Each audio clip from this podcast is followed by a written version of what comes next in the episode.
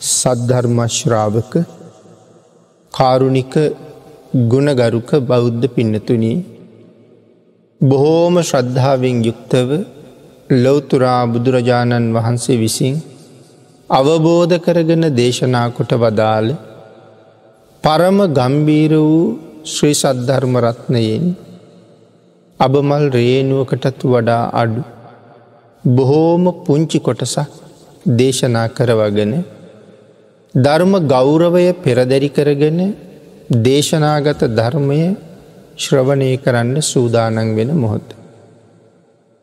අපේ භාගිතුන් වහන්සේ විසින් දේශනා කොට වදාලා ධර්මශ්‍රවණය කරන සැදහැවත් ශ්‍රාවකය විසින් මහත් වූ බලාපොරොත්තුවක් පෙරදැරි කරගෙන ධර්මශ්‍රවණය කරන එක බොහොම වටිනවා කියලා.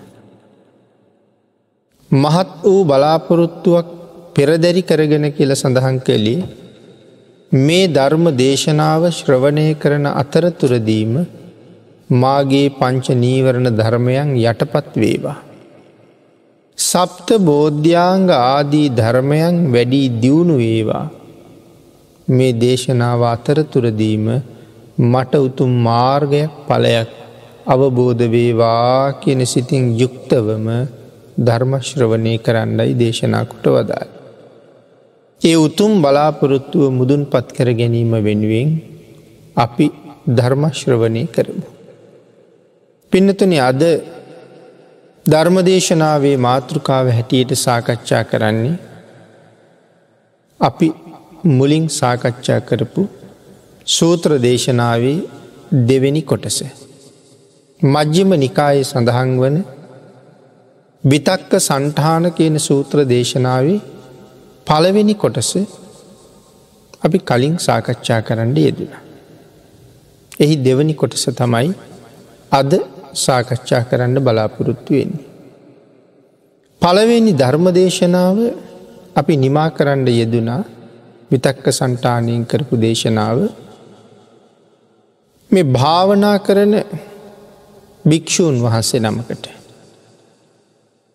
ඇතිවෙන්න අකුසල චෛතසික ධර්මයන් යටපත් කරන්නේ කොහොමද නැත්තැන් මැඩගන්නේ කොහොමද කියන කාරණාවයි මේ සූත්‍රයෙන් සාකච්ඡා කළේ සත්වය කෙරෙහි මෝහයක් ඇතිවුණු. විශේෂයෙන් භාවනා වඩනකොට චන්දය දේශය මෝහය කියන මේ අකුසල ධර්මයන් විටිං විට හිතට බල පැම් කරනවා. ආං එහෙම අකුසල මූලයක් එළඹුණොත් ඒ අකුසල මූලය ඉවත් කරගන්නේ කොහොමද කියන කාරණාව තමයි සාකච්ඡා කළේ ඒකට බුදුරජාණන් වහන්සේ ක්‍රම පහක් දේශනා කරලා තියෙනවා. විතක්ක සන්ටාන කෙළගෙන් ඒ ක්‍රම පහ. එතකොට අපි කලින් දේශනාව නිමා කළා මෙ සත්වය කෙරෙහි මෝහයක් ඇතිවුණ. ඒක නැති කරගන්නේ කොහොමද. ඒ සඳහා අසුභ භාවනාව වඩන්ඩ කියලා අපි විස්තර කරන්න යෙදෙන. අට්ටකතාවත් සූත්‍රයත් දෙකම මුල් කරගෙන මේ දේශනාව සිදු කරන නිසා අපි ඊළඟට සාකච්ඡා කරමු සංස්කාරයක් කෙරෙහි යම් අකුසල විතර්කයක් ඇති වුණොත් ඒක මැඩගන්නේ කොහොමද කියන කාරණ. මොනවද මේ සංස්කාර කියල කියන්නේ සත්වයෙක් නැති යමක් තියෙනවන සංස්කාරය මේ මේසය ඉඳගෙන ඉන්න කොට්ටි වාඩි වෙලා ඉන්න පුටුව ආදී මේ දේවල් ලොක්කොම අයිති වෙන්නේ සංස්කාර කියන ගන්නේ. එතකොට මේ සංස්කාර සම්බන්ධයනුත් අපිට ලෝබසිත් පහළ වෙනවා. මේක හොඳයි මේක ලස්සනයි මේක සිනිදුයි මේක සැහැල්ලුයි මේවාගේ ලෝබසිත් මේ සංස්කාර කෙරෙහි ඕන තරන් අපට පහළ වෙනවා. ඇඳුම පිළිබඳවත් එහෙමයි. නිදාගන්න ඇඳගන්න කොට්ටිගන්න උයන භාජන පිළිබඳව යාන වාහන පිළිබඳව සංස්කාර උපදිනවා. ආගේ සංස්කාරයන් කෙරෙහි ඇතිවෙන ලෝභය නැති කරන්න කොහොම. සඳහන් කළා මේ දේවල් වලට ස්තීර පැවැත්මක් නෑ. ඒ කිසි දේකට ස්තීර පැවැත්මක් නෑනේ. එතකොට ස්තීර පැවැත්මක් නැති දෙයක් ගැන තමයි මං මේ ලෝභ කරන්න. කියන කාරණාව මෙනෙහි කරන්න කියලා කෙනවා අනිත්‍යයි කියලා හිතහම ඒ ගැන තියෙන රාගය නැති වෙලා යනවා කියල සඳහන් කරන. සත්වයක් කෙරෙහි දේශය ඉපදුන හම ආඝාත පටිවිනය කකචූපම අවවාදය මෙනෙහි කරලා චින්තාමය වශයෙන් වඩල මෛත්‍රී වශයෙන් භාවනාව වඩන්ඩ කියල කියන.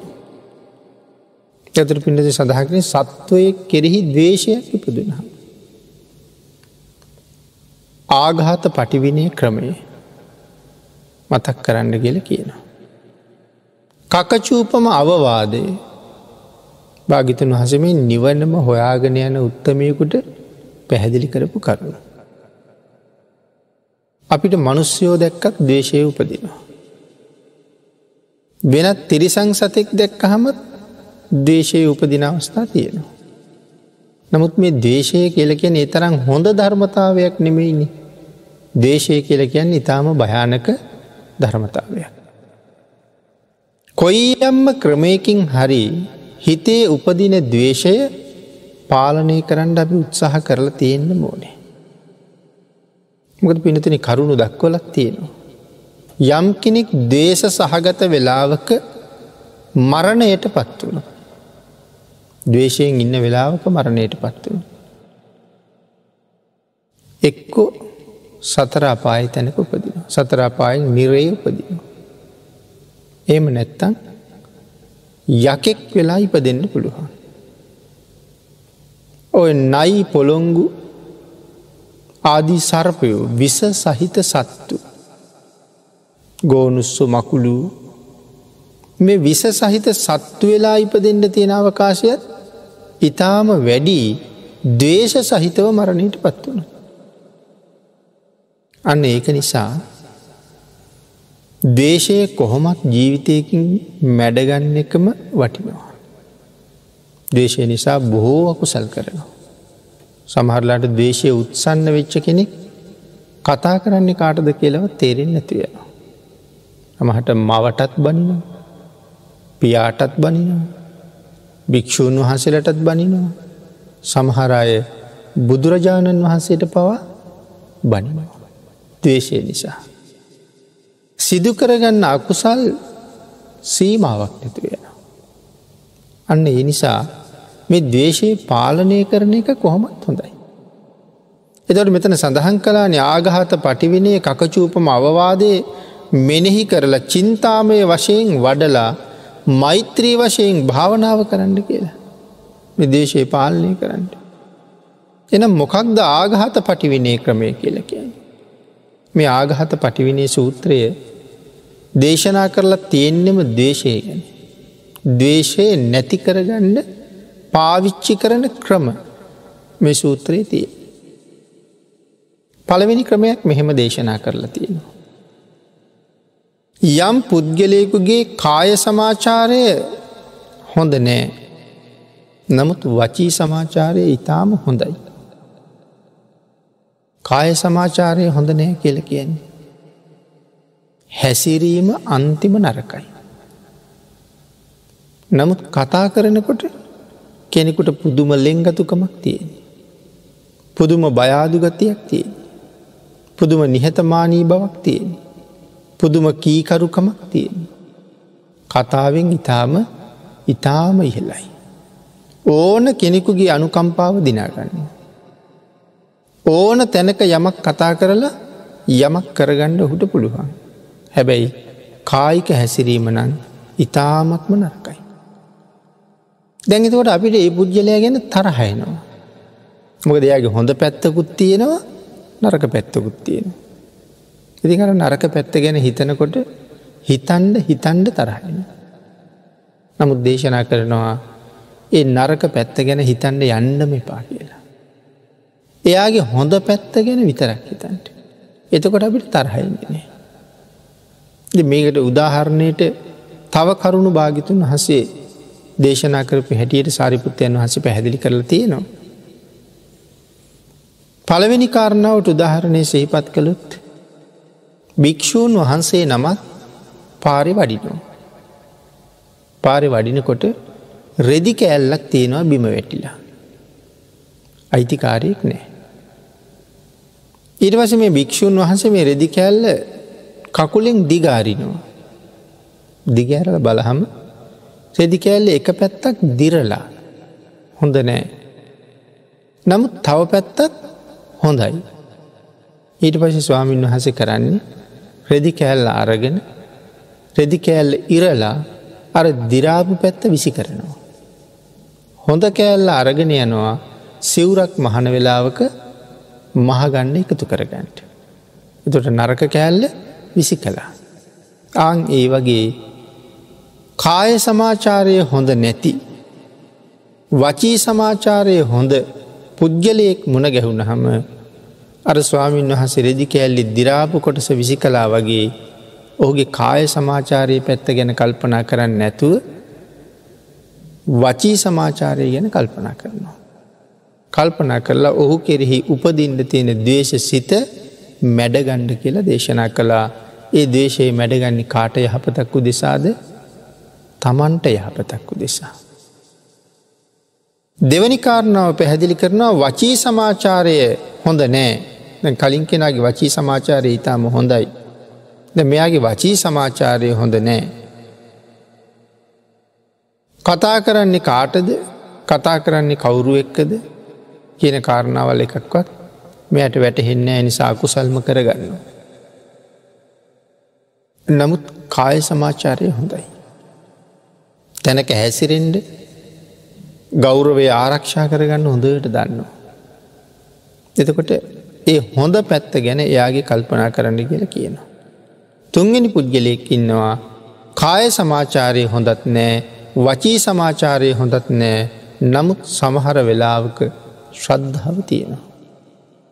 කයේ හැසිරීමයි වචනයයි දෙකම හොඳ නෑ. හැබැයි වෙලාවකට ශ්‍රද්ධාව තියෙනවා. වෙලාකට අපි දකින ඔහු ගිහිල්ල බනාහනවා. තව වෙලා අපි දකිනව බුදුන් වඳිනවා. තව වෙලාව අපි දකිනවා භාවනා කරනවා. තව වෙලාවක ගිහිල්ල මල් නෙලනවා. මේ මේ වගේ හොඳ ගතිගුණ විටිං විට පේන්ඩ තියෙනවා. ඔහු කෙරෙහි දේශයක් ඇතිවෙනකොට අර ඔහුගෙන් දැකපු හොඳ ගතිගුණය මෙනෙහි කරලා ඔහු කෙරෙහි උපදින දේශසිත පාලනය කරගත්තුත් පාටද ලාභ තමන්ට ලාබයි. ඇයි අනු නිසාන මේ අපායට අන්ඩ හදන්න. ඒ නිසා තමන්ට ලාබයි ඒක දැනගත්තොත්. හතරෙනි ක්‍රමය කයේ හැසිරීම හොඳත් නෑ වචනය හැසිරීම හොඳත් නෑ. ශ්‍රද්ධාවත් නෑ විදර්ශනා වඩන්නෙත් නෑ බණහන්නෙත් නෑ සර්වාකාරයෙන්ම ඔහු ගැන්න පැහැදෙන්ඩ ක්‍රමයක් ඇත්තෙම නෑ. හැම පැත්තම හොඳනේ. නමුත් මොහු කෙරෙහි උපන් ආගහතයත් නැතිකරගත යුතුයි කැන දේශනා කරනවා. ඒ පුද්ගලයා කෙරෙහි උපදින දේශයත් පාලනය කරගණ්ඩ ඕනේ මොකටද මගේ යහපත උදෙසා. මම මට ආදරෙයි නං මේ කිසිම පැවැත්මක් හොඳ නැති පුද්ගලයෙක් කෙරෙහි දේශයක් ඇති කරගෙන ඇයි මම විසින් මාව විනාස කරගන්න කියන කාරණාව හැමවෙලා මිස්මතු කරගණ්ඩුවනි. අවසාන පුද්ගලය ගැන කතා කරනවා ඔහු සර්වාකාරයෙන්ම හොඳයි. කාය සමාචාරයත් හොඳයි. වචී සමාචාරයත් හොඳයි. එදිනෙදා හැසිරීමේ හැම ක්‍රියාවක්ම හොඳයි. බනත් අහනවා ශ්‍රද්ධාවත් තියෙනවා. භාවනත් කරනවා හැම පැත්තක්ම හොඳයි. සමහරුන්ට එවන් අය කෙරෙහිත් දේශයක් ඇතියෙනවා. හැබැයි ඒ දේශය නං විශේෂයෙන් නැති කරගණ්ඩුවනේ. ගද මේ සර්වාකාරයෙන්ම හොඳයි කියල කියන්නේ ඉතාම ගුණවත් පුද්ගලේ.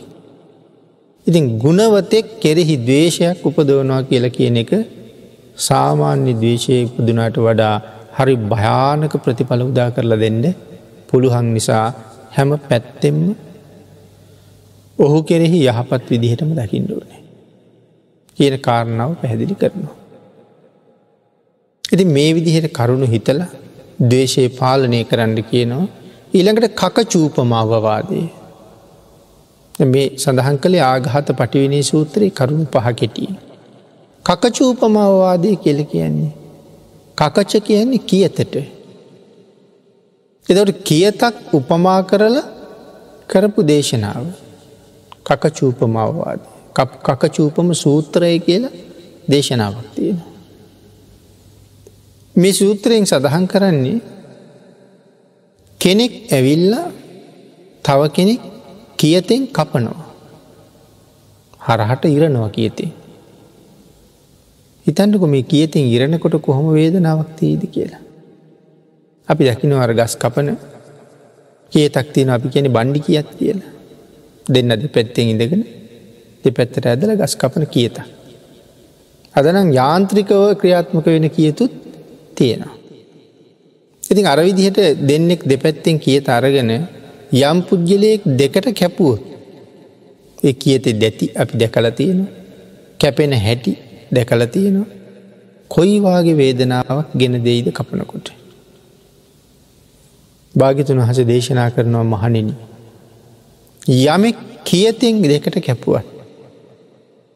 තමාව කපන පුද්ගලයන් පිළිබඳවවත් ඔවුන්ට තමාව කපන්ට උපදෙස් දුන්න පුද්ගලයන් පිළිබඳවවත් දේශ සිතක් නං ඇති කරගන්න එපා. මොකද මම දේශ සිතක් ඇති කරගෙන කෑකෝ ගැහුවත් මේ පුද්ගලියෝ මාව කපන එක නතර කරනවාද. තව මොහොතින් දෙකට කපල මරනවා. එතකොට මේ විනාඩි ගණනකටයි දැන් මේ දේශසිත. ඉතින් ඒ වෙලා කොහොම දේශය ඇතිවෙන්න පුළුවන්ද. මනුස්්‍යයෝ තරහ ගියහම නොඒක් දේවල් කියනවා. මං මැරිලා සතෙක් සර්පයෙක් වෙලා හරීපදිල ඇවිල්ලා කනවා කියල දේශ කරනවා. තවත් භයානක විදිහට වෛර කරනවා. සමහරලාට ඒදී එහෙම්මම වෙනවා. වෛරයක හැටි. පිනතින ඒක සුළු පටු නෑ. අර අපේ ශාසනයේ හතර දෙනෙක් ඉන්නවා එල දෙනක් විසින් ඇනල මරණයට පත් කළා. දන්නවා අපේ. එක්කෙනෙක් ධාරුචීරිය මහරහතන් වහන්සේ. අනිත් කෙන අනාගාමී වෙලා හිට පුක්කුසාති භික්‍ෂුව.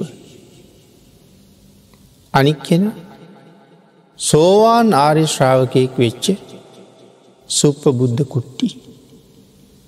අනිත් එක්කෙන තම්බදාටික චෝර. මේ හතර දෙනාම මරන්නේ කවුද එල දෙන. එල දෙනක් යැන යක්ෂණිය. ඒ යක්ෂණිය ළඟට එනකොට එන්නේ එල දෙනකගේ වෙස්සරග. එතකොට ඇයි මේ හතර දෙනාව මේ විදිහට මරණයට පත් කළේ එක මාකාරයි. මේ හතර දෙනාම පෙර සංසාරයේ එකට හිටපු මිත්‍රයෝ. බොහෝම සල්ලි තිබුණයි ධනවත්. නමුත් ඒ අයි කළේ අනික් අය පින්කං කරනකොට තමන්ගේ මිලමුදල් යොදාගෙන රාරක්කු බිබී විනෝද වෙච්ච එක. අනික් අය පින්කං කරන්න යෙදෙනකොට අපි මොනවද කරන්නේ එක්කෙනෙක් යෝජනා කළා අපි සුරාපානය කරමු කියලා. ඒකට එකඟ වුණ හතර දෙයා තු අනිත්තුන් දෙෙන. ඉද සුරා ආරගෙන ගිහිල්ල විනෝද වෙන්ඩ කල්පනා කරලා එක්කෙනෙක් යෝජනා කළා තනියම සුරාපානය කරලා විනෝද වෙනවට වඩා අපි කාන්තාවකුත් අරගෙන යම් කියලා. එනිසා වෛශ්‍යා ස්ත්‍රියක් හොයාගත්තා ඇයට හවසට මුදල් ගෙවන පොරොන්දුවට. දවසම ඇයත් එක්ක විනෝද වෙලා හවස ඇයට මිලමුදල් ගෙවන්ඩ ලෑස්තියෙන වෙලාව කෙනෙක් යෝජනා කළා. මැය අපිත් එක්ක හිටිය බව අපි ඉදන්නේ.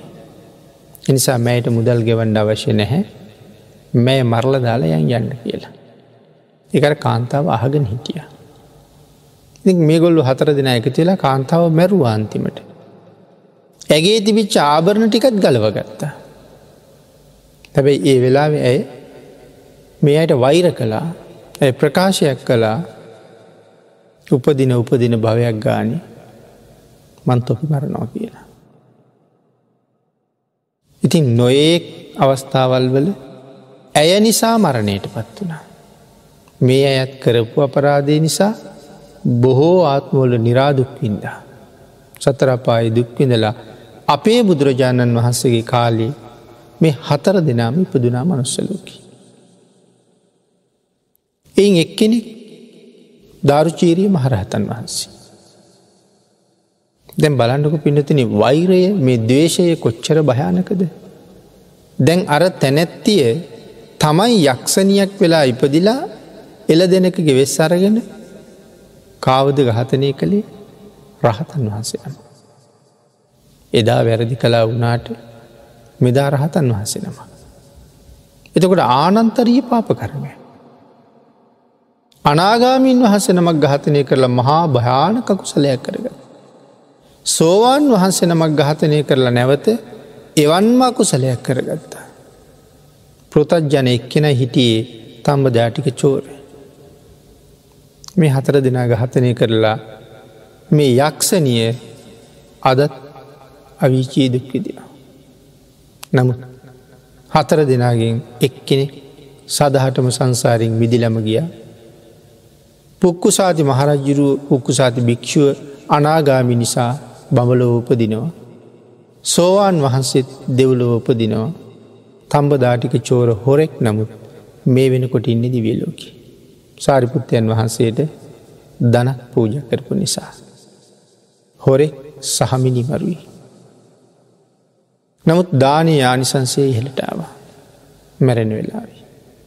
නමුත් අර තැනැත්තිය අවිචීදුක් විදිෙන. දිගින් දිගටම දිගින් දිගටම ගියපු බද්ධ වෛරය. කාලි යක්ෂණයගේ කතාවෙත් ඒකම තමයි තියෙන. එනම් භික්‍ෂුවට දේශනා කළා කියතින් දෙකට කපනකොට ඕට වෛර කරන්න එපා කාටවත්. මොකද පිනතින මේ වෙලාවෙ තියෙන්නේ කියතෙන් කැපෙන වේදනාව විතරයි. එක තියෙන්නේ ඉතාම සුළු මොහොතයි. ඒත් එක්කම මැරෙනවා. දේශයේ සහිතව මැරිලා අවුරුදු කෝටි ප්‍රකෝටි ගනන් නිරයවල්වල දුක්විඳින්න වෙනවා. තිරිසං ලෝකෝල දුක්විඳින්න වෙනවා. මොකද මන් දේශයෙන් හිටියට මට නැගිටලා මේ පිරිසට පහර දෙන්න නෙමේනි. බේරිලා දුවන්ඩ නෙමේනි. ඉතින් මෙතෙන්ට හිත හදාගණ්ඩ එක පාරම පුළුවන්කමක් නෑ. කාලයක් තිස්සේ පුරුදු කරලා පුරුදු කරලා ප්‍රගුණ කරලා හදාගත්ත හිතක් තියෙන කෙනෙකුට තමයි තමන් කියතින් කපන කොටත් මෛත්‍රී සහගත වෙන්ඩ පුළුවන්කමතියි. එතෙන්ට දියුණුවෙන්ඩ කියලකිවේ මේ දවේශය කියන්නේ තරම්ම භයානක දෙයක් නිසා. නමුත් මිනිස්සුන්ට කේන්ති ගිය හම නොකරන දෙයක් නෑ. පස්සේ පසු තැවුණ කියලා කරපු අකුසල් ආපහු ගණ්ඩ පුළුවන්කමක් නෑ එක විඳවන්ඩම සිද්ධ වෙනවා. ආගේ නිසා දේශයෙන් මගාරින්න භාගිතුන් වහන්සේ පුද්දුම විදිහට අවාද කළා. අප පිනතු නහල තියෙනවා ශාන්තිවාදී තාපසතුමා. කලාබු රජ්ජුරු අතපය කැපුවා. කංනාසා කැපුවා. එහෙම කපකපා තාමත් ශාන්තිය තියෙනවද. තාමත් ඔබ කවුද. එහෙම අහනකොටත් සඳහන් කළේ මහරජය මන් තාමත් ශාන්තිවාදී. තමන්ට මේ තරන් අකට යුතුකමක් කරන රජ්ජුරුව පිළිබඳව අල්ප මාත්‍ර දවේශයක් නෑ. අන්තිමට ශාන්තිවා දීතාපසතුමා ලේවලින් නෑවිලා. නිකම්ම නිකං කොට කෑල්ලක් වගේ. අත් දෙකත් නෑ කකුල් දෙකත් නෑ කන් දෙකත් නෑ නහයත් නෑ තන්නි කරම ලේ ගොඩක. තාමත් ඒ ශාන්තිය තියෙනවාද. රජ්ජුරුවහනවා. එල සඳහන් කලා මහරජය ඔබ හිතන්නේ මගේ ශාන්තිය මගේ අද අතපයවල තියෙනවා කියලති. ඒ වෙලා රජ්ජුරුවන්ට කේන්ති කියල පපුුවට පාරක් පයින් ගෙහවා. උබේ ශාන්තිය අල්ලලා උඹම තියාගනින් කියලා. පයින් හල රජ්ජුරු යන්න කිය. ඉති තාපසතුමාට පේනමානයේ දක්වානං රජ්ජුරු මහපොළො ඇවිදගෙන ගිය එතනින් එහාට මොහොතක් යැනකොට මෙ මහපොළොව ඈත්වෙලා කලාබු රජ්ජුරු අවිච්චිට අරගිය. මේ තරන් උසස් ගුණ තියෙන තවසෙකුට මේ කරපු අපරාධය ඒ අපරාධය කරපු මේ මහපෞකාරයා ඔසවාගන්න එක මේ මහපොලෝට හරියට නිකං බරක් වගේ. එනිසාම රජු යන පාරි මහපොලෝ දෙපැත්තට ඇත්තෙනවා. එත් එක්ක මොහු අවිශ්චිට වැටුණ. ඇමතිවරයෙක් ඇවිල්ල ශාන්තිවාධිතාපසතුමාව සෝදල පිරිසිදු කරලා බෙහෙත් ගල්වලා ස්වාමීනී ඔබ වහන්සේට යම් අපරාධයක් කලාන යම් කෙනෙ. ඔහු පිළිබඳව අමනාප වෙනවා මිසක් මේ රට වැසිය ගැනනම් අමනාපයක් ඇති කරගණ්ඩිපා. මොද අමතිවරය දන්නවා මේ තාපසය මොන තරං ගුණවද්ද කියලා. සඳහන් කළා නෑ ඒ රජු කෙරෙහිවත් මගේ සිතේ අල්ප මාත්‍ර දේශයක් නෑ. ශාන්තිවාදි තාපසතුමා මරණයට පත්වෙලා දෙව්ලෝ උපදිනවා. ඉතින් ඉව සණ්ඩ පුළුවන්කම තිබුණා. ඒ තරං අපරාධ කරනකොටත් ඉවසවේ මනා පුරුද්දක් ඇති කරලා තිබුණ නිසා. ඒ වෙලා විද්වේශයක් තිබුන්නන් මැරිල ගිහිල්ල උපදින්නේ සතර මහාපායි. නමුත් මෛත්‍රයම තිබුණ නිසා මැරිච්ච ගම බඹල උපත්තිය ලැබවා. එනිසා මේ කරුණු පැහැදිලි කරනකොට මේ දවේශය නැති කරගණ්ඩ මේ තරං අවවාද කරලා තියෙන්නේ බුදුරජාණන් වහන්සේ ඒ නිසා. නමුත් අපි ඉතාම සුළු දේටත් කේන්ති අරගන්න. මුලාව නිසා. සමහලට පාර යන වෙන කෙනෙක් නිසා අපි කේන්ති ගන්නවා. පාරයන මිනිහෙක් වාහනයක හයියෙන් යනවා. අපි ඒ මිනිහටත් බඩිනවා. තව කෙනෙක් ඉතා හෙමින් යනවා. එනිසා අපිට යන්ට පරක්කු අපි ඒ මිනිහටත් බනිනවා. කෙනෙක් හදිසියේ පාර පයිනවා. අපි ඒ මනුස්සයටත් බනිනවා. කෙනෙක් හදිසියේ පාරහර වාහනයක් හරවුණු. අපි ඒ මනුස්සයටත් බනිනවා. නමුත් අර අරමනුසය මොකොවත්ම දන්නේ දන්නේ නැමෙහි කෑගහන්නෙත් අපි බනින්නෙත් අපි රත්වෙලා ඉන්නෙත් අපි දේශයත් අපි ගව අර පුද්ගලය මුකුත් දන්නේ. අපි අපිටම මහා හානියක් කරගෙන. ඉවසීම ටිකක් ප්‍රගුණ කරලා නැතිහින්ද. ඉවසීමෙන් සැනසීම කියන වචනය ධර්මය තුළින් ඕන තරං හලතියෙනවා. ඒ නිසයි මෙච්චර අවවාද කරලා තියෙන්නේ මෙ දේශ සිත පාලනි කරගන්න. ඊළඟට භාගිතුන් වහස දේශනා කරනවා ආඝාත පටිවිනය සූත්‍රවල විශේෂයෙන් අට්ට කතාව ඒ ඒ පුද්ගලයා කෙරෙහි උපන් ආඝාතය නැති කරලා මෛත්‍රී ධ්‍යානම වඩන්න කියලා. මොකද ධ්‍යාන මට්ටමේදී තමයි කියන්න පුළුවන් වෙන්නේ ආඝාතය සම්පූර්ණයම නැති කලා කියලා. මගේ හිතේ තියෙන දේශය මම දැන් සම්පූර්ණයම නැති කරලා ඉන්නේ කියල කියන්න පුළුවන් වෙන්නේ දිහාන මට්ටමට අවට පස්සේ. ඒම නැත්තන් අපට තාම දේශය මේ කියන තරම් නැති කරන්න බෑ. මෛත්‍රී භාවනාව ප්‍රගුණ කරනවා නමුත් දේශයේ සම්පූර්ණයෙන් නැති කරන්න අපිට තාම බෑ. ධ්‍යාන මට්ටමටාවට පසෙ තමයි මේ දේශය දැන් අපි පාලනය කලා නැති කලා කියන කාරණාව යම් ප්‍රමාණයකට හෝ දැනගණ්ඩ පුළුවන්කම තිය. ඊළඟට පින්නොත්තින මේ සංස්කාර ගැන සඳහන් කරනකොට නැවත පැහැදිලි කරනවා අපිට තරහයන හැටි.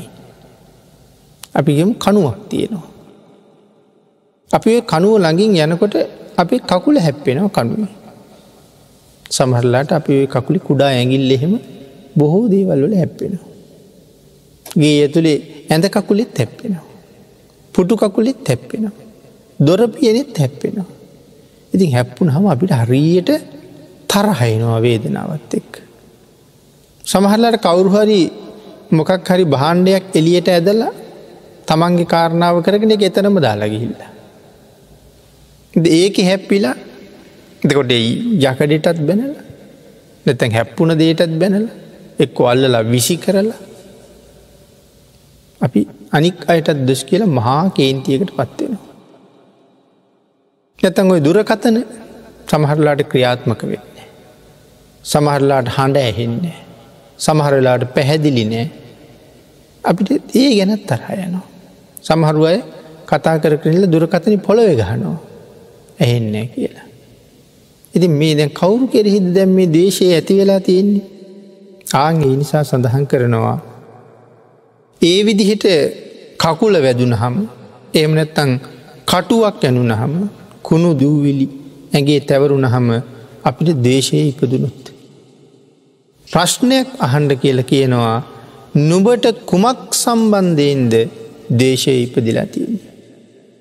පටවිය කෙරෙහිද ආපෝධත්තුව කෙරෙහිද.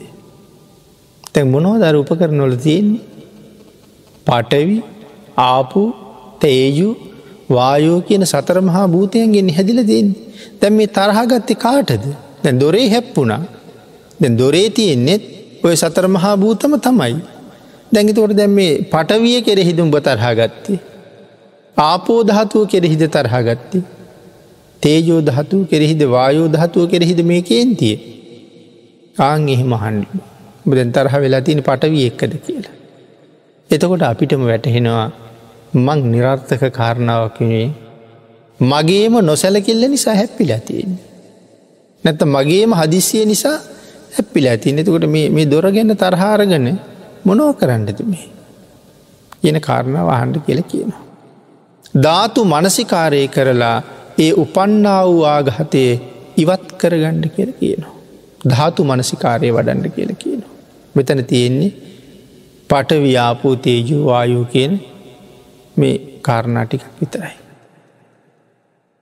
මෝහය ඉපදුන හම කියනවා කාරණා පහක්. මෝහය ඇතිවුණ හම කරුණු පහක් ඔස්සේ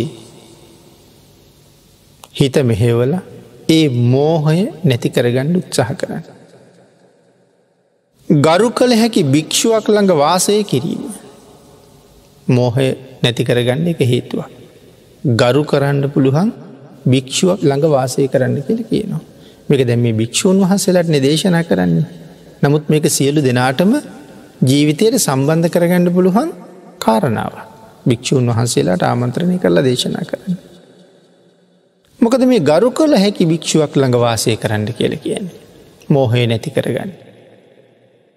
සඳහන් කරනවා ගමට වඩිනකොට කියන්නේ නැතුව වැඩියොත්. දැන් ආචාරය උපාධ්‍යයන් වහන්සේලත් වැඩයින්න තවත් භික්‍ෂූන් වහන්සේලා වැඩඉන්න ආරාමයක වැඩඉන්න භික්‍ෂූන් වහන්සේ නමක් ගමනක් යන්න පිටත්වෙනවා. ඒ ආරාමය ඉන්න කාටවත්ම නොකියනං උන්වහන්සේ ආරාමයෙන් බැහැරට ගිය එක වරද. කාට හරි කියල යන්ඩුවනේ. එක ශාසනික නීතිය කාටහරි කියල යන්ඩෝන මං අහවල් දිහයි යන්නේ මම සමහට අද එන්නේ නැතිවෙයි. ඇතම් මෙච්චර විතර වෙලාවක් යයි හවස් වෙයි කියන කාරණාව දැනුවත් කරලම යන්ඩුව නැත්තං වරද. එන මෙතන සඳහන් කරනවා ආං එහෙම වඩින වෙලාවට කාටුවත් නොකයා වැඩියොත් වතක් කරන්ඩ යෙදන කල නොකර හිටියොත් එහෙම නොකිය වඩින එකත් හොඳනෑ. තමන්ට වත් පිළිවෙත් කරන්න තියෙනකොට ඒවත සම්පූර්ණ නොකර ඉන්න එකත් හොඳ නෑ. විශේෂයෙන් භික්‍ෂූන් වහසලට භාගිතුන් වහසේ දේශනා කරපු වත් පිළිවිත්තියෙනවා. චුල්ල වග්ග මහාවග්ග පාලී ඒ වත ගැන විශේෂයෙන් සඳහන් කරලා තියෙනවා. වත සම්පූර්ණ කරන්න මෝන පින්නතුන. වත්තන් න පරිපූරෙන්ති න සීලන් පරිපූරෙන්. යමෙකුගේ වත සම්පූර්ණ නැත්තං ඔහුගේ සිලුත් සම්පූර්ණ නෑ. යම් කෙනෙක් භාවනා කරන්නම උත්සාහ කරනවා. නමුත් වත කරන්නේ. භාවනා කරන්න උත්සාහ කරනවා. භාවනාවේ ලොකු දියුණුව කම්බෙන්නේ හම්බෙන්නේ නෑ. හේතුව වත සම්පූර්ණ නැතිහින්දා. ආදි බ්‍රහ්මචරියක සීලයයි ආබී සමාචාරික සීලයයි කියලා දෙකක් පැහැදිලි කරනවා. මේ දෙකම මනාව සම්පූර්ණ කරන්න ඕනේ. සීලයත් අවශ්‍යයි වත පිළිවෙතත් අවශ්‍යයි එතකොට තමයි භාවනාවේ දියුණුක්තියෙන්.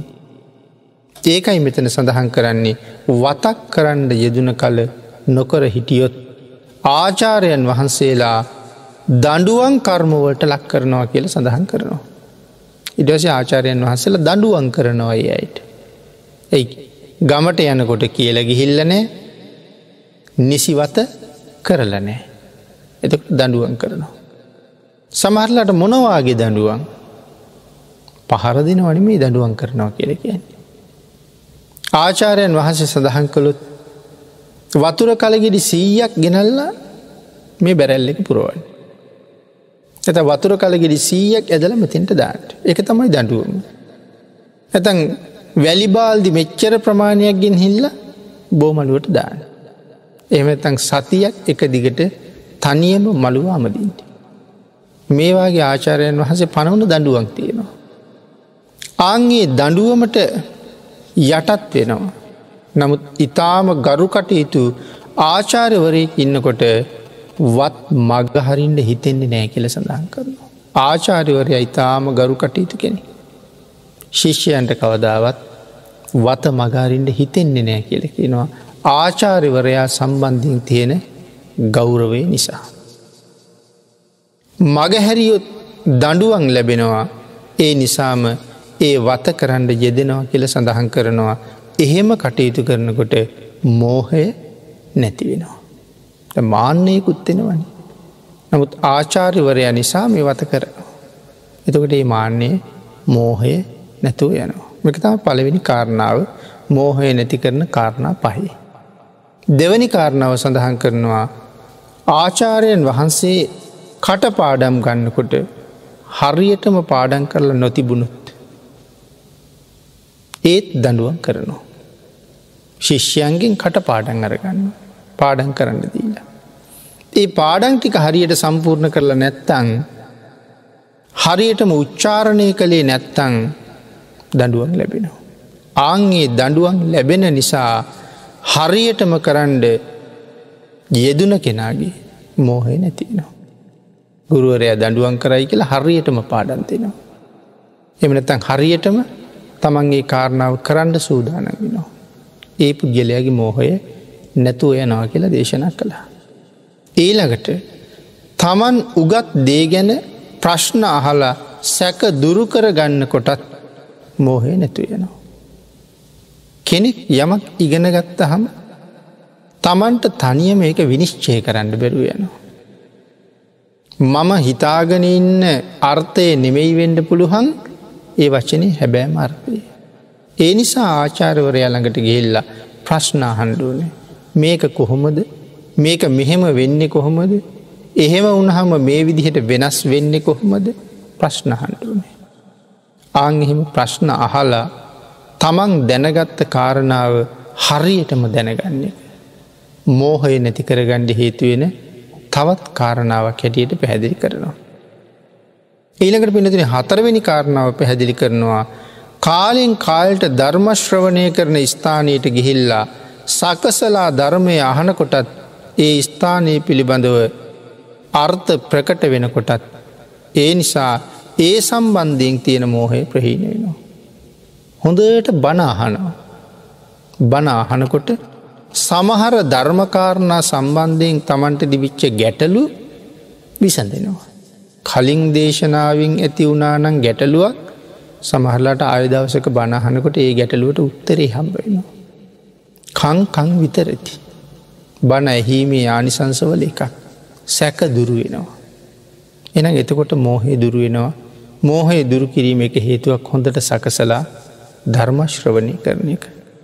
අවසාන කාරණාව දේශනා කරනවා කළයුත්ත නොකළ යුත්ත විශේෂයෙන් මේ වගේ තැනක මේ වගේ දෙයක් කළ යුතුයි.